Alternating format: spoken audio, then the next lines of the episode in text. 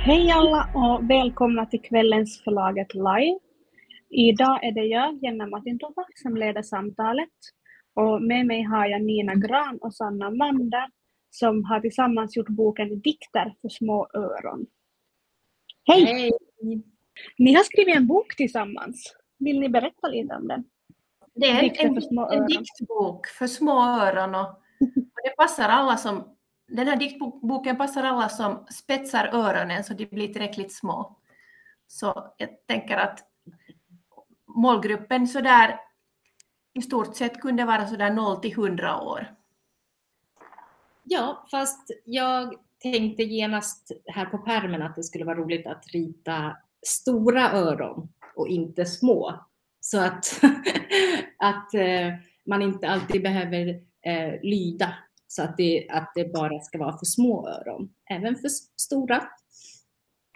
Tanken att, att man kan få tolka hur man vill, både dikterna och, och, och bilderna och berättelserna här kan man tolka på många olika sätt och därför passar de för olika sorts öron.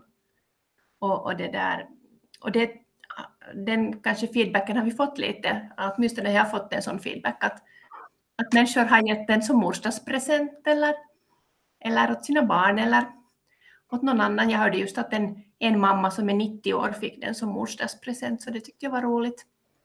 Jag tänker att dikter passar för många tillfällen och, och för många olika människor.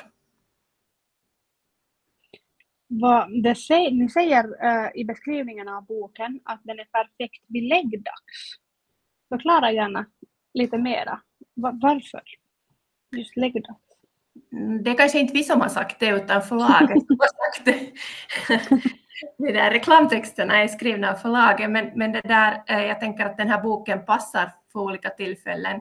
Det är ju en bok som man kan läsa ensam eller tillsammans med någon, stor eller liten. Och ofta är det väl vid läggdags som man kan läsa med, med små, eh, för små öron. Så den passar säkert vid läggdags, men säkert också vid många andra tillfällen. Eh, den här boken har tillkommit under, under en, en längre tid för min del med de här texterna som är skrivna lite vid olika tillfällen. Och, och, och det har varit en, en rolig och lustfylld process. Och jag hoppas ju också att, att den här boken liksom hittar sin läsare, olika sorters läsare och kan sprida glädje på det sättet. Men man kan, kan ju läsa den på det sättet att man plockar ur den eller, eller läser den som en helhet. Eller tittar i den, njuter av bilderna och färgerna och energin som finns i, i den här boken. Ja, det här är ju då Nina din debutbok. Hur, vad, vad, vad, vad har liksom varit processen och, och, och tankarna kring den här boken? Och du har ju berättat redan lite. Men, men vad, hur har du jobbat med den här?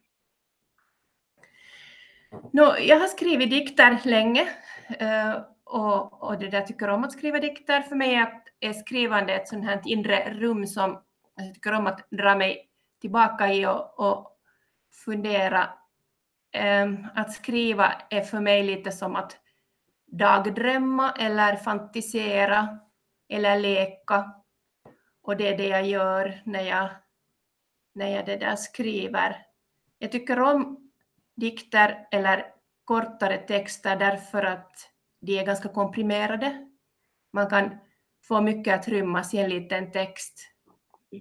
Och det är kanske så jag tänker att det är för mig en ganska rolig och lustfylld utmaning att, att fylla en liten text med mycket mening och kanske med olika nivåer och olika skikt så att olika sorts läsare hittar olika saker. Jag ser kanske att den här boken är som en karamellburk där man kan plocka den karamell som man mest tycker om eller som ser roligast ut eller konstigast och man kan smaka på dem och kanske hitta någon man gillar alldeles extra.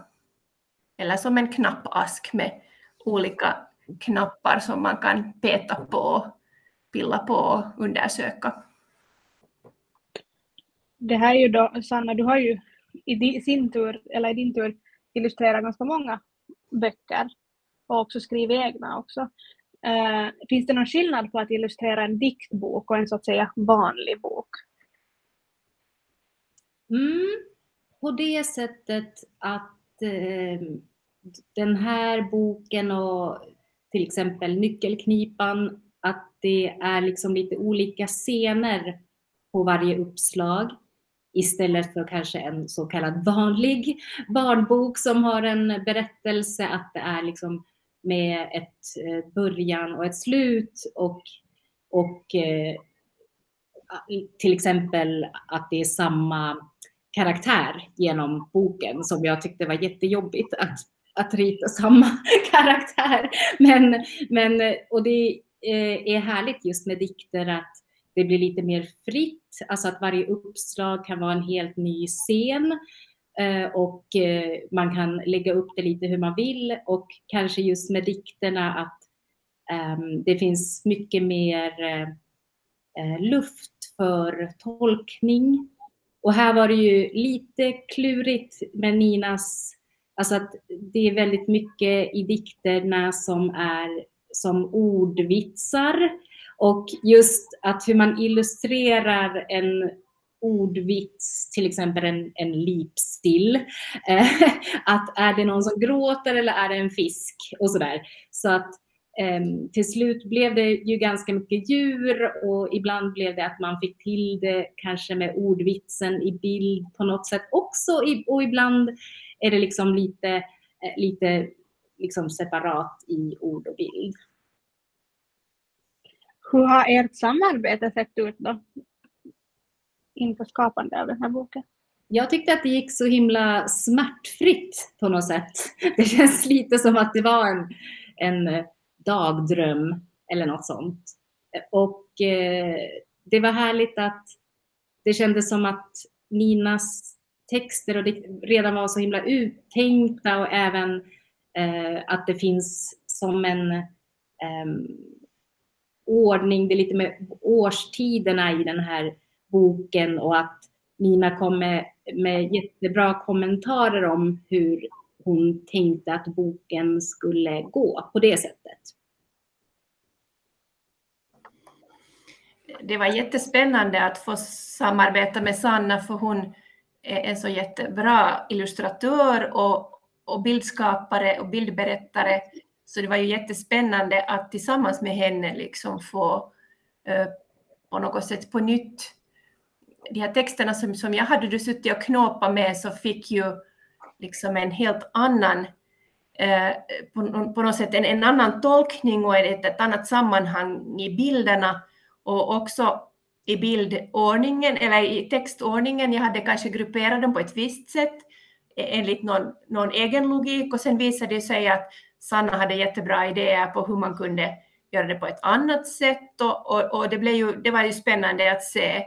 Och också just det här med, med ordvitsar. Jag för mig är det ganska viktigt att, att det finns också ett sånt här lager av humor och, och kanske värme i, i, i de här texterna som, som på något sätt ska vara ganska nära. Jag tänker ju att, att det här med att läsa dikter är ganska någonting som man det skapas ganska starka stämningar och, och om man läser för små öron till exempel så, så är det ju en stund av närhet och gemenskap. Så, så det finns ganska mycket man, man kan skapa runt, runt, den här, runt den här stunden och nu tillförde ju de här bilderna otroligt mycket energi och glädje och det är en ganska vårlig och glad bok, tänker jag mig att, att, att man kan tycka nu. Så det var ju roligt att den utkom nu på våren faktiskt också det är roligt att se hur någon annan tolkar texter eller figurer eller karaktärer. Så där försökte jag ju att inte blanda mig i förstås, för det är ju jätteviktigt att, att, att Sanna fick liksom själv tolka. Så, så det där det var spännande det här när vi pratade sen om skisser först och sen om bilder, så var det ju spännande att se hur många olika tolkningar man kan göra också på, på texter till exempel, eller på karaktärer, eller på en, en helhet, ett sammanhang. Ja, det var just det jag tänkte fråga. Att är det någon så här dikt som du hade en jätte specifik tanke att det här, här ska det liksom se ut som Sanna sen kommer kanske någon annan idé som sen blev annat men ändå liksom bra?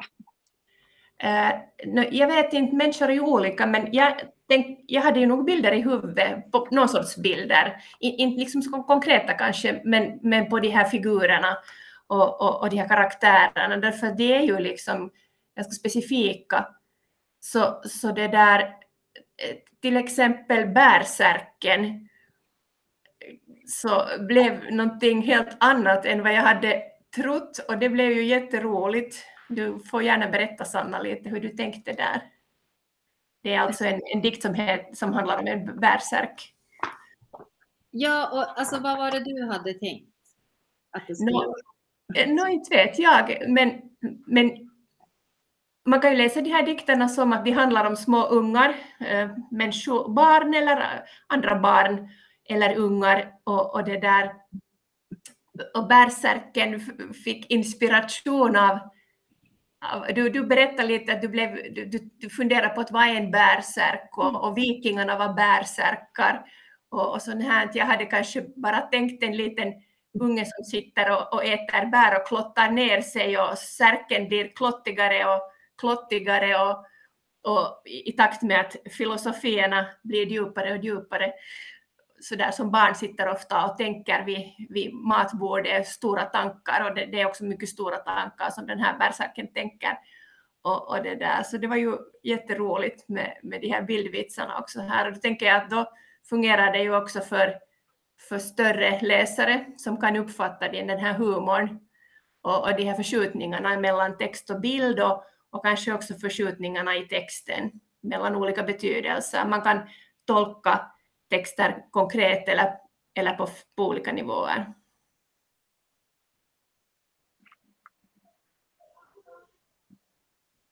Ja, Sanna, vad var din tanke med den här bärsärken? Ja, det var alltså, jag tänkte på så här berserk, going berserk. Alltså det är någon som är helt så här vild och galen, någon så här stor, stark liksom. Och eh, så jag, och, och, så var det liksom, jag tänkte att det är roligt att det är en så här jättestor figur som så här jätteskäggig och hårig med typ så här eh, djurskinn och så. Som sitter och äter liksom en, en liten skål med fil. Eh, men sen eh, ändrades det om lite just att alla de här är liksom lite mera som barn och så, så att det blev lite en sån här mellanversion som nog också känns, oj, var är jag? Där. Oh, eh, som kanske också sådär ändå, alla små barn är väl såna här berserk ibland sådär vid frukostbordet. Ja. Vad har varit viktigt för era individuella processer i arbetet med den här boken? Att är det någonting som har liksom haft en, en stor roll för er?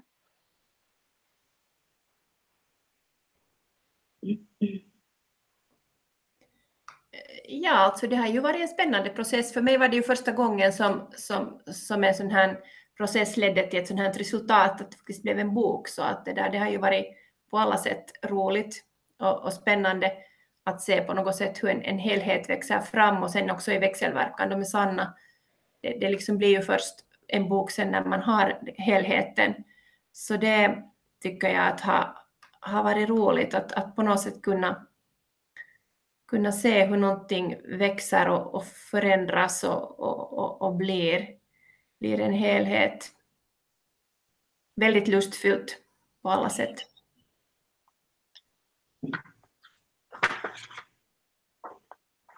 Har du Sanna något speciellt som har?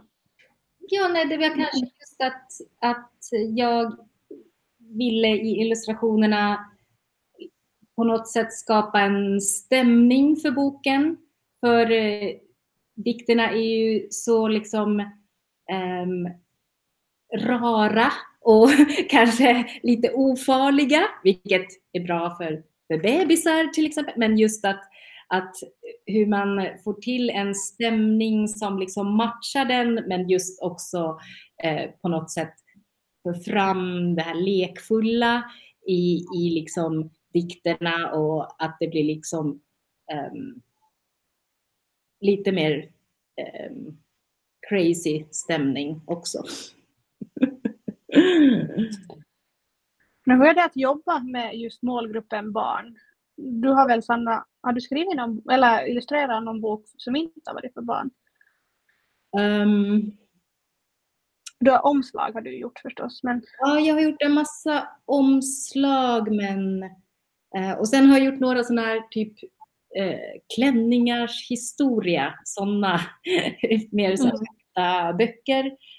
Eh, men jag tycker inte att det är så stor skillnad. Alltså jag tänker inte kanske så mycket ändå på att illustrationer är för barn utan att eh, det är kanske lite gammaldags tanke att mm. vuxna människor inte behöver liksom bilder eh, utan de behöver liksom svart på vitt, bara text och fakta eller liksom eh, romantexter. Så jag läser ju själv och köper liksom barnböcker till bara mig själv också om det är fina illustrationer. Eh, och det hoppas jag är något som, som blir mer vanligt. Att det inte är så himla uppdelat vad som ska vara för barn och vad som är för vuxna.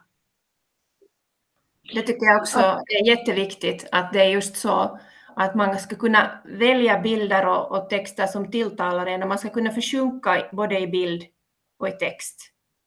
Och allra helst ska det ju vara så att man kan försjunka på olika sätt beroende på sitt humör och, och hitta olika saker också. Och de här eh, texterna är ju de är kanske ganska snälla, jo, men jag tänker att de också förhoppningsvis är humoristiska och, och mångtydiga, mångbottnade. Att, att, det där, mm, att man kan hitta olika saker där, kanske lite filosof, filosofiska eventuellt. Så jag tänker att, att de kan fungera som både glädje och tröst också. Och jag tänkte ganska mycket på det när, när boken skickades in så var det just före, just före kriget bröt ut och just före världen förändrades och, och på något sätt kändes det lite sådär absurt kanske det också att man hade gjort en sån här bok men sen på basen av, av reaktioner som jag har fått nu senare så har det kanske fungerat just som lite tröst och glädje också. Och, och en, en, en liksom stund där för närhet och, och, och då tänker jag att det kanske är bra med, med sådana böcker som kan erbjuda någon sorts vilorum också, eller rum för um, ja, glädje, helt enkelt. Samvaro, eftertanke, någonting som är bra, någonting som tröstar eller på något sätt en motvikt mot mycket annat. Mm. Vad, vad har just dikter och poesi som konstform för betydelse för er då?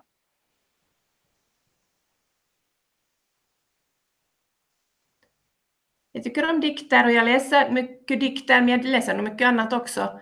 Jag, jag tycker kanske själv om just att, att om det här lilla formatet eller liksom ett sådant koncentrerat format, man försöker koka ner någonting till en, en en form, man försöker koncentrera kanske någonting som man vill säga. Men mm, inte vet jag, jag tänker också att, att man behöver på något sätt den här det, det, som, det, vi blir så bombarderade med texter av alla slag hela tiden, långa texter och, och mycket texter och onödiga texter och hårda texter. Att det, det är också bra att få försjunka och, och på något sätt ströva i olika texter. Eller att, att också sådär leka med texter som till exempel den här skuttharen som nu syns i bild, där vi också lekte med texten så att det, den fick hoppa och skutta och, och, och det, det är sånt här som jag tänker att det är roligt. Man kan leka poesi också. Man kan känna och njuta av poesi med hela kroppen. Det är ganska viktigt. faktiskt. Både att lyssna men också att, att på något sätt låta det sjunka in och kanske, kanske komma ut igen på något annat sätt. Jag har, jobbat, den, ja, ja, jag, säga att jag har jobbat med ordkonst en hel del och i ordkonsten så försöker man ju stimulera fantasi och, och ordglädje. Fantasi och ordglädje handlar det ganska mycket om också tycker jag när det gäller barnpoesi. Ja, alltså det är ju så himla, just med rim tycker jag är så, alltså att det blir lite som ett spel och den kan ta texten till något, helt annat ställe. liksom att rimmet ger en överraskning på något sätt. Och eh, just att, hur var det här, som jag gillade det här rimmet att eh, spiggar har inga tröjor, spiggar har inga blöjor. det var så här kul, kul eh, simpelt, skojigt rim. Och eh, jag tror att jag liksom i bilder använder någon slags visuella rim ganska mycket. Jag har till exempel ett, ett moln som jag använder väldigt ofta som jätteofta blir blommor också. Så det är lite som eh, någon slags rim i de liknande formerna. Och så eh, använder jag dem kanske eh, liksom genomgående i, i någon bok. Eh, och hitta kanske betydelser i, i bildelementen som kan vara två, eh, alltså dubbla bemärkelser. Som eh, kanske de här vid, eh, vid eh, katterna som, alltså att det även är en katt. Det är så svårt när det är spegelvänd. Alltså att det även är en, en katt som är där. Eller kanske den här på pärmen att det är lite som en regnbåge men lite som hörlurar eller något sånt. Om ni skulle välja en favorit ur boken då, vilken är det och varför? Jag älskar den här Gullebulle-dikten just på grund av det här som Nina pratade om att det jag tycker inte att det är så vanligt att man får en massa så här gulleord som man kan läsa till, sin, till vem som helst på kvällen. Just att det känns så härligt att bara eh, låta det komma. Alltså en massa sådana här eh, gulleord till sin lille bulle. Och jag tänker att det skulle kunna vara en hel bok med bara så här, eh, kärleksord och jättegulliga små bakelseliknande figurer. Det, det, är alltså lite roligt för den här ett av mina barn, mina barn är vuxna numera, men ett av mina barn sa när hon hörde den här Gullebulle-dikten så sa hon att men det där är ju min dikt, det där är ju jag. För hon, hon är van vid att, att, att man använder smeknamn och det är kanske just så här som jag tänker lite att, att barn älskar att höra smeknamn och barn älskar att man kallar dem olika saker. Och, och, och, det där, och den, där, den dikten handlar ju egentligen just om det att man verbaliserar sin kärlek på något sätt och man hittar på de här roliga eller underliga, ofta lite underliga smeknamnen som man har i, i, i alla familjer tror jag, mer, mer eller mindre. Men att man kan också odla en sån här verbal eh, värme och, och kärlek. Jag tror att det är ganska viktigt och jag tänker att, att, att det också är ganska roligt. Man kan också använda det på olika sätt om man vill sen tänka i en barngrupp att man kan lära sig att säga snälla och vackra saker om varandra och, och man kan lära sig att trösta och uppmuntra. Och, och också, barn lär ju sig också verba, verbalisera liksom vitsar och, och ordglädje och i olika skeden så tycker de om att tugga på ord och smaka på ord och, och, och pröva på ord också så att det, det handlar ju också den här boken om att, att ord kan betyda olika saker och att man kan skratta åt olika betydelser eller eller överraska varandra genom att använda ord i ett annat sammanhang många av de, här, av de här figurerna i den här boken heter ju sånt som man också kan kalla sina barn om man vill, eller andra, andra ungar som man stöter på. Det finns många, många ungar här som jag tror att många har stött på, eller många figurer som kanske är bekanta för någon. Hade du någon favorit? No, ja, inte vet jag. Det är lite kanske svårt att välja någon sån här favorit, men, men det där... Mm,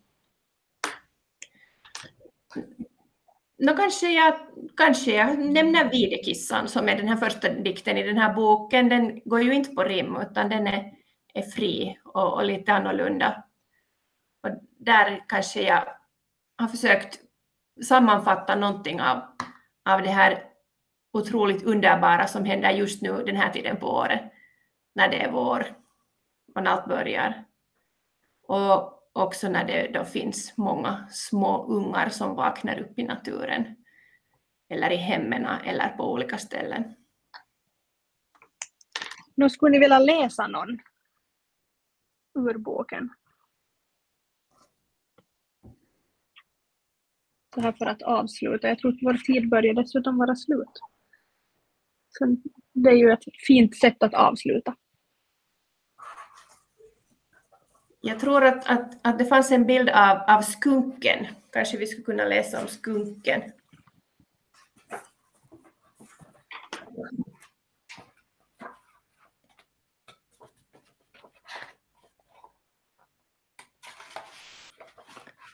Skunken. Farmor lade lilla skunken osande i badibunken, skrubbade och tvättade, skunken pep och skvättade, bubblade och plaskade. Farmor varsamt vaskade fram en pust av näck och ros, blöt och blank blev skunkens nos. Och här ser vi den mycket paranta farmodern som skrubbar den lilla skunken ljuvligt. Men tusen tack för att ni ville vara med. Och tack, tack för att ni har gjort en så fin bok som vi får sen läsa. Uh, och ni får jättegärna, som sagt, ni som tittar om ni vill köpa den så finns den på, på förlagets webbshop och med live så får ni 25% rabatt så det är ju perfekt läge, om inte annat så en gåva till sig själv. Ja, eller en gåva till examen. Jag har hört att, att det finns några studenter som kommer att få den här och några andra. Så att jag tänker att, att den kanske kan vara rolig också. Så där. Det kan vara lite överraskande kanske med en sån här bok åt någon som har gjort någonting eller, eller någon liten som blir stor eller någon stor som vill bli liten på nytt eller hur, hur man nu vill ta det. Tänker att det kan passa, passa kanske för olika sammanhang. Ja. ja men tack för ikväll. Tack ska du ha. Och tack Sanna. Tack. Hej.